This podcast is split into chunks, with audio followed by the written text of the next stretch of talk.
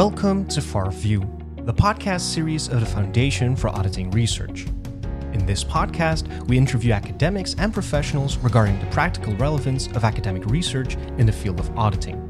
The Foundation for Auditing Research is an autonomous institute focused on developing and disseminating scientific knowledge concerning audit quality in the Netherlands. FAR pursues these objectives by facilitating relevant and rigorous academic research through a unique collaboration between academia and audit practice. Dear uh, listeners, welcome to a new episode of Far View. My guest for today's episode is Dr. Justin Leiby. He's an associate professor of accountancy at the University of Illinois. Uh, Justin, welcome to the podcast. Thank you for having me.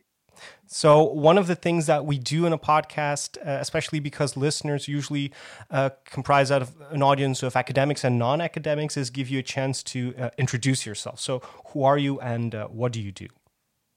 That's a nice broad broad question. I, like the leeway I have here. Uh, I, am an, an, associate professor of accountancy at the University of Illinois. Um, I've previously been on the faculties at the University of Georgia and the University of Florida, so all in the United States. I got my PhD at uh, at Illinois as well. Um, it's a little unusual to kind of find your way back home, your academic home at least, so to speak.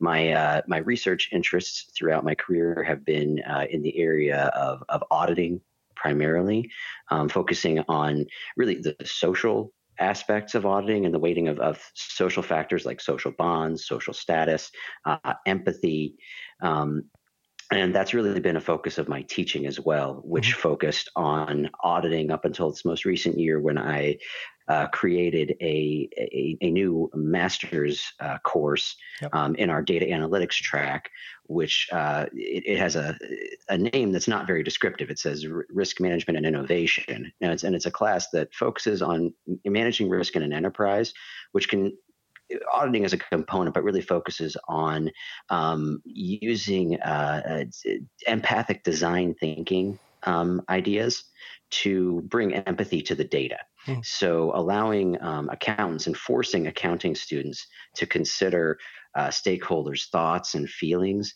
um, before and, and how they might re- react to risk before starting to understand um, or come up with solutions about how to manage risk most appropriately in yeah. an organization. This this is the very first time that I've actually seen this type of quote. So I was doing some background research into uh, your function as a as a lecturer, so the education that you do, and this is indeed one of the things that struck me is that you said one of the goals you have is to help students bring empathy to the data, which which sounds very um, in a way out of place in, in in the world of accountancy. So so could you divulge me? Could you go into this a bit more? Right. This has been an interest of mine for for quite some time, mm. and it's no secret that in many fields, research suggests in medicine, in business, in engineering, there is an, empath- an empathy deficit. And accountants, just the very personality profile of an accountant, is generally not one that is the type of person who generally considers feelings of others mm-hmm. or processes things on an emotional level. Indeed, I am not someone who who does that. But over time, it, it struck me as how much emotions and feelings drive decision making in the real world. Right. And so much research has focused on how do we take this out of decision making? Mm-hmm. How do we sort of correct this problem? And rather than looking at it at it as a problem to correct, maybe we should view it as a reality to embrace mm-hmm. and uh, work work with it as opposed to working against it. Um, and it's directed it's it's driven some really interesting experiences. Um, and and to, to put a, a, face on it, you know, take COVID nineteen for example. Mm-hmm. Um, every data point on which decisions are made, you know, business decisions, medical decisions, public policy decisions, every data point is a face, a human face a story, a set of motivations, social relations, and we will benefit ourselves and benefit society much more effectively if we view uh, the world at least partially through this lens. We can't lose the analysis. You can't take the analytic mm-hmm. component out of the accountant, but you can supplement it with other things. Well, that's a very unique way of, of looking at things. This is not something I've come across um, a lot in, in the world of accountancy. Another quote by you that that struck me and I guess is is representative of, of this approach that you try to uh, embed in, in education at least is uh, understanding decision makers' emotion or emotions is a crucial skill in business, especially for a subject like risk that people experience so idiosyncratically. Yes, oh, they absolutely do. Um, the and and and to to draw this into uh, the the world of empathy, uh, there's some research that's very interesting, and and it goes. It's something as simple as purchasing a bottle of wine, hmm. and it can go from that context to something as serious as a physician recommending a medical treatment to a patient. We fundamentally understand risk and uh, make decisions about risk differently for ourselves than we would if we were making it on behalf of someone else. Yep. And generally, we're much more interested in shielding ourselves from risk and shielding ourselves from the, uh, we would call it the, maybe the, the guilt mm. or um, regret of making a mistake than we are with others. And that can be both a positive and a negative. Yep. So this this idea of, of bringing empathy to the data, how, how is this applied in, in your research?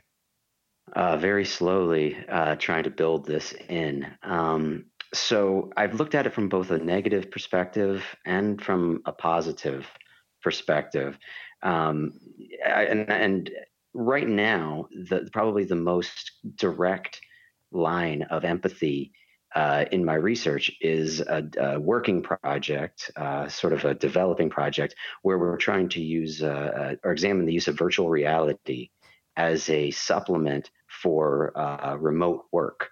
Okay. Um, so rather than using, say, Microsoft Teams mm-hmm. or uh, Zoom, uh, using uh, virtual reality settings that immerse um, users in the same environment, based upon research that virtual reality environments can be beneficial right. in uh, the development of empathy and other uh, interpersonal bonds, at least beneficial relative to, say, um, uh, two-dimensional face to uh, like yeah. teleconferencing apps. So does this because we had a, a, podcast on this recently on on social presence theory, and and this sounds like it touches mm-hmm. on social presence theory. Is, is that correct? Um, there are a lot of psychology theories uh, out there. Um, I'm not familiar with that particular one by that name, but it might be it might be something very very close. Well, the, the basic idea boils down to social cues and and the, the benefit of having social cues when you interact with clients, so that just doing an audit through through email is is a mm-hmm. lot less efficient than doing it over the phone or, or doing it in person. So the VR could be an added layer to that or, or the next level to that. Right. Yeah. So that okay, that does that makes a lot of sense. This would be um, certainly overlapping with the idea uh, that that social presence and the ability to read uh, verbal and nonverbal cues like body language. Yeah. Um, like right now, I see you on a screen and I see you nodding your head, so that's comforting to me. It's sort of in, it's it's in, in uh, communicating engagement, mm-hmm. um, and it go it goes beyond that in in in the theory that that we'd be relying on. Um, there, there's something that that they refer to really as task embodiment. So, okay. and, and, and, it, and it relates to how, what value the user places on their, their, the objects and their surroundings. So it's, it's sort of not just like how can I see what your facial expression is, but do I feel as though I am in this place and, and with this other person and I want to understand my surroundings and this other person. Um, and and one great advantage over it, just as an example, over uh, say like Zoom, mm. uh, is that VR is free from distraction. Mm-hmm. So if you're in Zoom, you know, right now, I, you know, you, we could be looking at anything in the room you're in and the room I'm in. Right. Um, you know, you could be playing with a pencil, you could be right. doing any other things, but in VR, you're in this completely immersed world. Yeah, yeah, um, yeah, So that embodiment is a key component uh, to building empathy, and then what they call task engagement. So just how much you uh, you're invested mm-hmm. in your performance of a, of a given task. So the goal of this this research would be to find practical uh, um, implementations of, of, of virtual reality for for the business environment. Yeah, that would that would be it. Wow. We're in the we're in very early stages right now, but yeah, taking it as not just a training tool, which mm-hmm. a lot of fields have used virtual reality as a training tool. Yeah, yeah, moving it beyond that and using it as an actual uh, mechanism wow. uh, to deliver certain audit procedures uh, which can have benefits for um, empathy building, it can mm-hmm. have benefits for trust building, and it can also, if it can replace face to face interactions, if we think about the world in which we live, where face to face interactions might be curtailed, it could have benefits in the realm of reduced travel time, yeah. smaller carbon footprints, reduced stress due to jet lag, reduced pr- productivity due yep. to travel. Um, the the the benefits uh, are, are quite far reaching. Yes. Yeah. That's amazing. So this well, this sounds like very timely research, but I guess that the, the proposal for this type of research you've drafted months and months ago. So this was before the COVID nineteen crisis. Uh, it was, um, uh, but what was what was nice about it, at the very least, is that in trying to uh, uh pitch the idea, um, you know, you start with the first with a write up, and you try to get the uh, the reader hooked. Mm-hmm. And I think it might be a little bit easier to hook the reader if you can start by saying, you know, 88% of global companies uh, moved to required or strongly encouraged uh, remote work, and and Definitely. this is now suddenly not just a theoretical issue; it is a reality. Yeah, for all of the the downsides of, of the COVID nineteen crisis, there are some upsides for, for research and for, for getting research that is very timely and, and very to the point of this crisis uh, funded. That that's one of the major uh, benefits, I guess. Yes, I actually heard there was a a, a visitor to my uh, course, uh, a, a, risk executive. Um, uh, who at a financial institution in the United States, and uh, she made a very nice comment about a silver lining of COVID 19, uh, if you have to find one, is that companies and the old guard at companies who have been very resistant to the idea of remote work mm-hmm. are being slowly persuaded that remote work can be effective. Yep. And it's something that younger, uh, say, younger generations have been insisting and demanding this flexibility for a long time and it may finally be the case that the that the those in, in charge are seeing the value because they've been forced to see that value. Yeah, yeah, that's very true. So this is the new research that that you're kind of embarking upon, and the reason, of course, that that I contacted you for this podcast is the research that you have been doing for the Foundation for sure. Auditing uh, Research.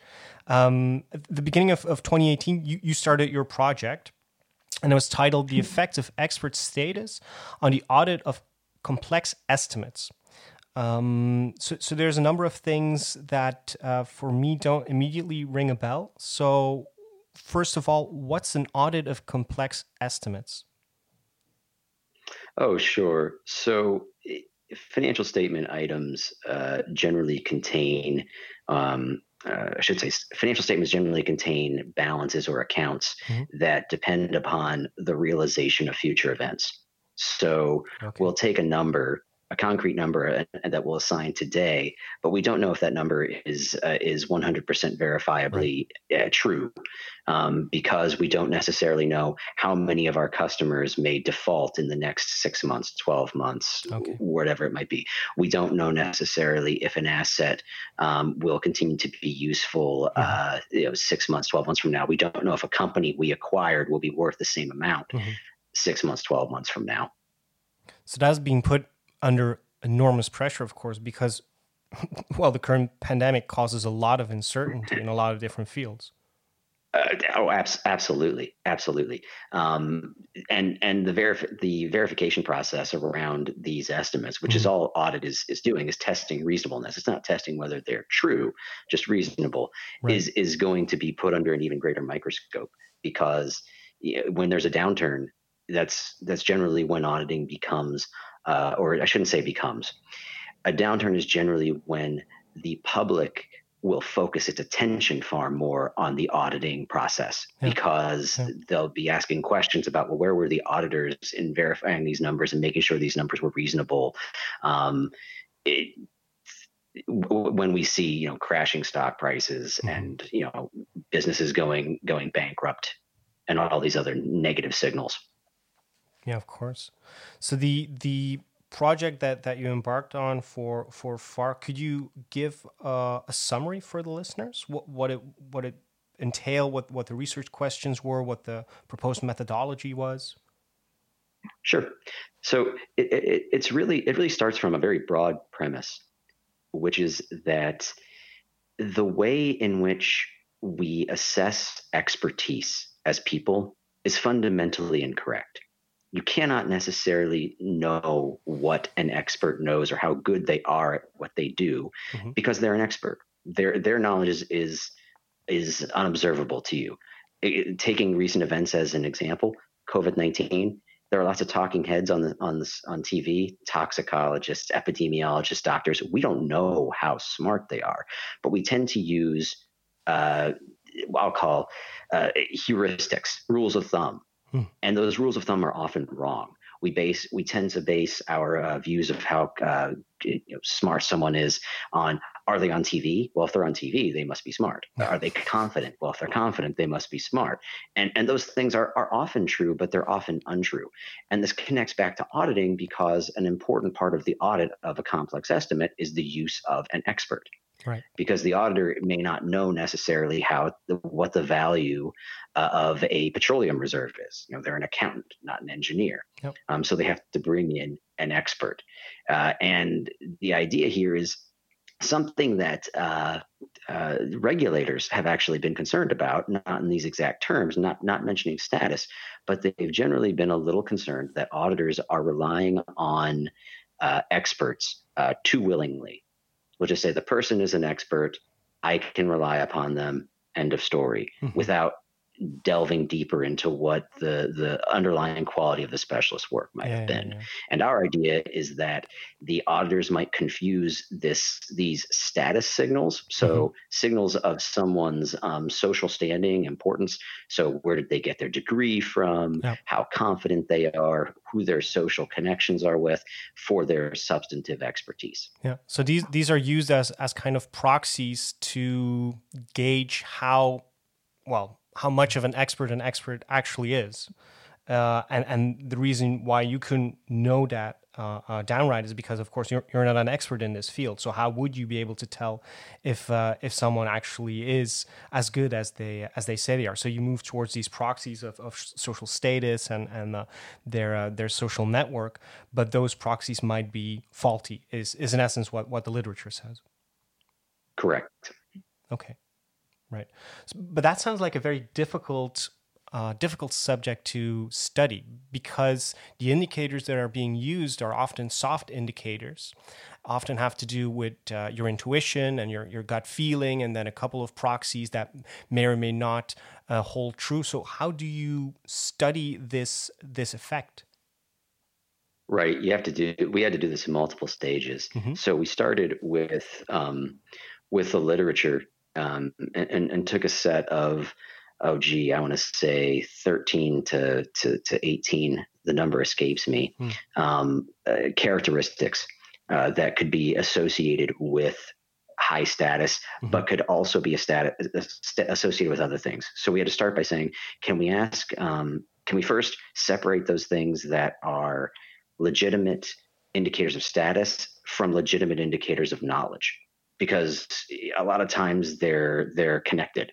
So you went to a great university that could mean you're both high status and high knowledge. Mm-hmm. And we wanted to find those that are more status and less knowledge. So we actually surveyed uh, 53 uh, practicing auditors and had them go through a survey and rate based upon you know just knowing this characteristic so the person say for example say a person plays tennis with firm leaders mm-hmm um, you know, d- d- how does that influence your perspective of their knowledge? How does it influence your uh, perspective of their uh, social status? And we did this for a variety of attributes, and then we uh, we found those attributes that were um, rated by auditors as being relatively predictive of status, but less predictive of of knowledge. Okay, uh, and, and then after that, we uh, could do, could uh, use those uh, survey results uh, to conduct an experiment where we actively manipulate what auditors see when they're when they're say put in a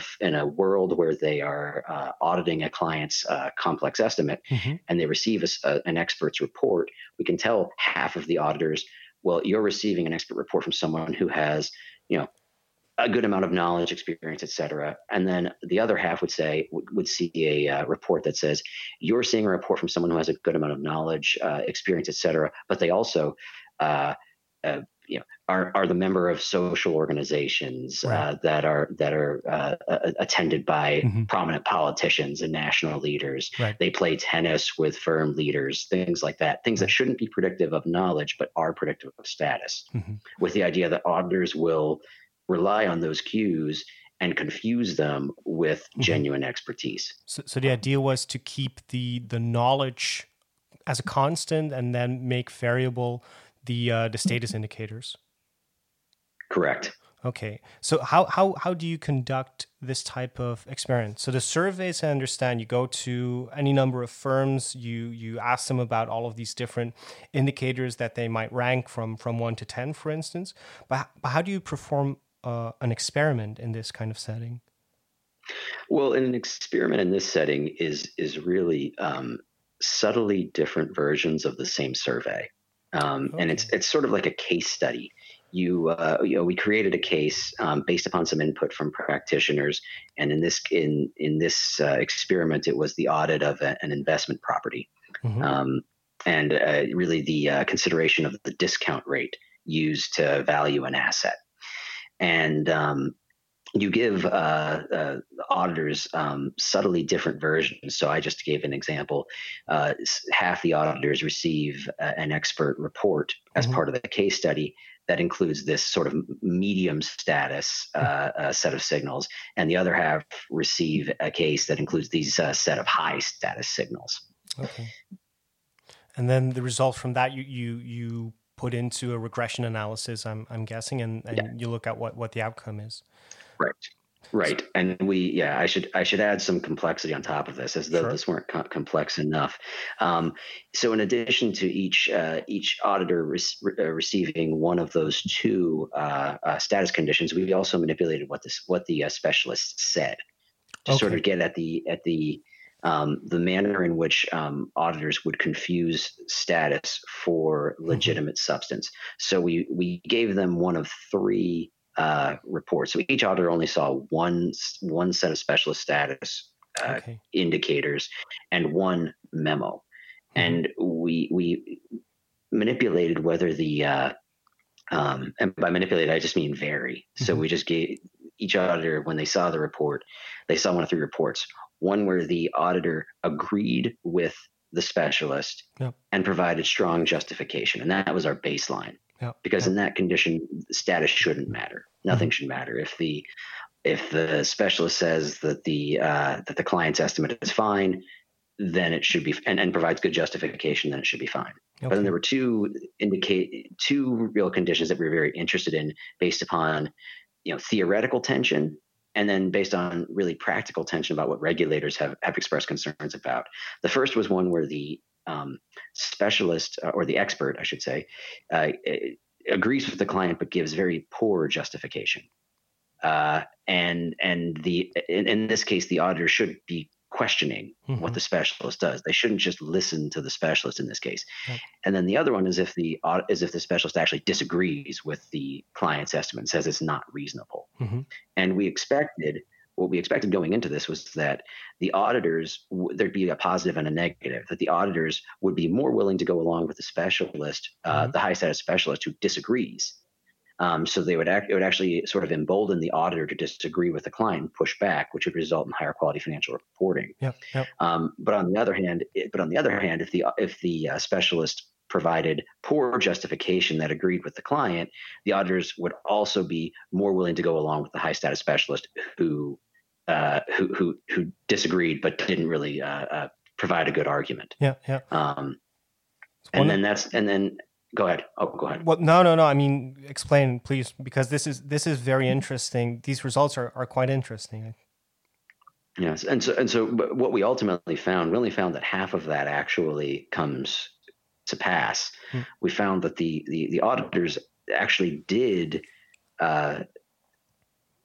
i would say they were emboldened to disagree with the client when the high status specialist disagreed mm-hmm. which is encouraging and then we also found that the auditors really did not uh, go along with the high status specialist when the high status specialist agreed with the client and didn't provide a good argument okay. for uh, for their agreement. Yeah. So there was a nice silver lining there that auditors were uh, you know using this status quo um, as as a way to disagree with the client mm-hmm. and not really um, as a way to go to uh, to agree with the client more than maybe they otherwise should. That's quite encouraging. Um, it is it's encouraging yeah. There no there are some other discouraging results uh, but that's the way research usually works. There's usually a, a good side and a bad side.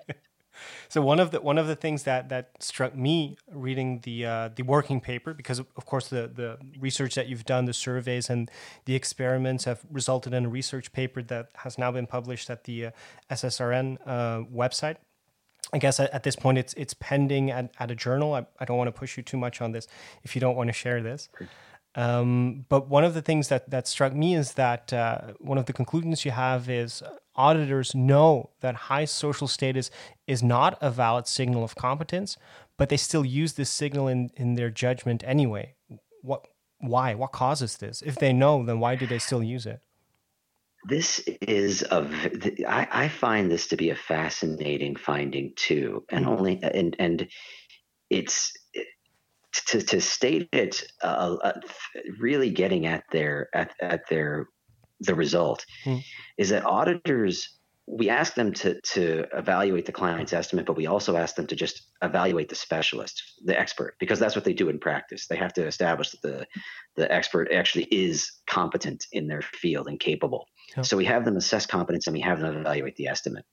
So when they're assessing competence, they are unintentionally confusing status with competence. That's what we found in the experiment, and I and I don't want to get into too many complexities for the the procedures we used, but we mm-hmm. can say with confidence they don't they don't really know what they're doing, um, and and and but in relying on this on the specialist to evaluate the estimate, they do know that their that that status uh, that they're relying on status. So it's a very interesting, um, uh, as you said, a very interesting uh, friction there mm-hmm. because. Mm-hmm they know status doesn't equal competence, but they use it anyway. And the reason why, in in our view, is that the the social dynamics, getting back to social issues, yeah, the yeah. social dynamics of the uh, auditing process, hmm. the negotiations, the power uh, uh, imbalances yeah. that result from the audit of, an, of a complex estimate are such that if you are going to walk into a room and tell an audit client that they need to adjust a, an estimate that has a material effect on their financial statements, you need to have clout it's not enough to have expertise yep. and have a good answer. You need to have clout in order to be able to persuade them to change. Very true. And so auditors know that competence and status are not necessarily the same thing, but they also seem to know that competence isn't enough mm-hmm. when it comes to auditing these estimates. You need to have more. Yeah, yeah and yeah. what we say in this study is that if you're going to be uh, writing uh, policies as a firm, mm-hmm. or if you're going to be making standards around this, it might actually, as regulators, it might actually be helpful to consider attributes of this process that go beyond just competence. Mm-hmm. Because clearly, auditors do not believe competence is the only thing that's important mm-hmm. in this process. So, so what additional attributes could you uh, would you suggest? Uh, the the one that we suggest in the in the paper hmm. is uh, is influence influence within the firm. Okay. That generally, if a person has a more um, powerful social network, mm-hmm. uh, and uh, uh, say a, a, specialist or an expert has a more powerful social network, or if anybody does for that matter, generally speaking, they'll be more emboldened to uh, tell an audit uh, to tell the audit team to have a backbone and stand up to their clients uh, it, because the there are a lot of potential consequences of standing up to clients. You at the extreme potentially irritate them and they want to seek out another audit firm. Um, or it just creates a lot of tension and discomfort in in, in the audit engagement. And what cloud allows to do what in, what that influence allows you to do is smooth the waters.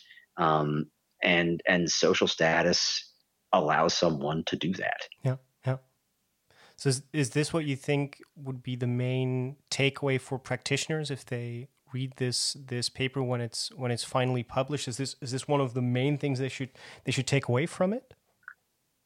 I, I would say so. Hmm. Yes, that that that really, and and it's probably something that practitioners may already know, mm-hmm. or if they and, and when I talk to them, it may not be something that they know, but something that if you tell them about it, they'll they'll they'll kind of nod their heads and say, yeah, that that makes a lot of sense. Um, that considering something stuff beyond just the competence of of an expert is yep. crucial. It, it can be something they know, but not necessarily something that's been quantified before. Right, exactly. Uh, it, it's sort of like the you know the what we were just talking about the intentional versus unintentional usage of status as a cue to uh, assess competence. Sort of like, well, I unintentionally do that, um, but if you tell me that, but if you tell me that I'm doing it, I'll I'll probably recognize it and I'll stop. Yeah, yeah, yeah, yeah. Is this the um, the final product of of your research uh, project at FAR, or are you planning to do more working papers on the same subject or, or related subject? Yeah, this has been a uh, the continuation of a stream of research that I've done on on really on social really social connections, social bonds, of which status is a type, mm-hmm. uh, and how this influences how auditors use the opinions of others. Yeah. And I've done this in um, their peers, from experts, and then how they provide advice to others. So I imagine I'll do uh, additional research in this area. Mm-hmm. Um, but certainly, this is the final product of the FAR project, yeah, which yeah, has been remarkably fun, and we've learned a lot. Well, I can imagine. Do you know how many um, respondents you had on the, the surveys that you ran? So we had 53 uh, responses on the initial survey, which we used to, to, to really try to separate knowledge from status. Mm-hmm. And then in the uh, the final um, experiment, we had about 200 people in total, wow. um, which was which was made possible by the FAR and its its its generous support. It's not something that's very easy to do. Um, but and it's a very cumbersome process usually, but it was far less cumbersome uh, thanks to the FAR's help. Yeah, well, thank you very much. I guess we'll we'll end it there. Thank you. Um, thank you so much for for uh, for contributing to this uh, to this podcast. It's very interesting research, and I, I think the firms will be uh, quite happy to see uh, to see it finally published. Hopefully, it finds a, a good journal uh, very soon. I hope so as well. thank you very much, Jason.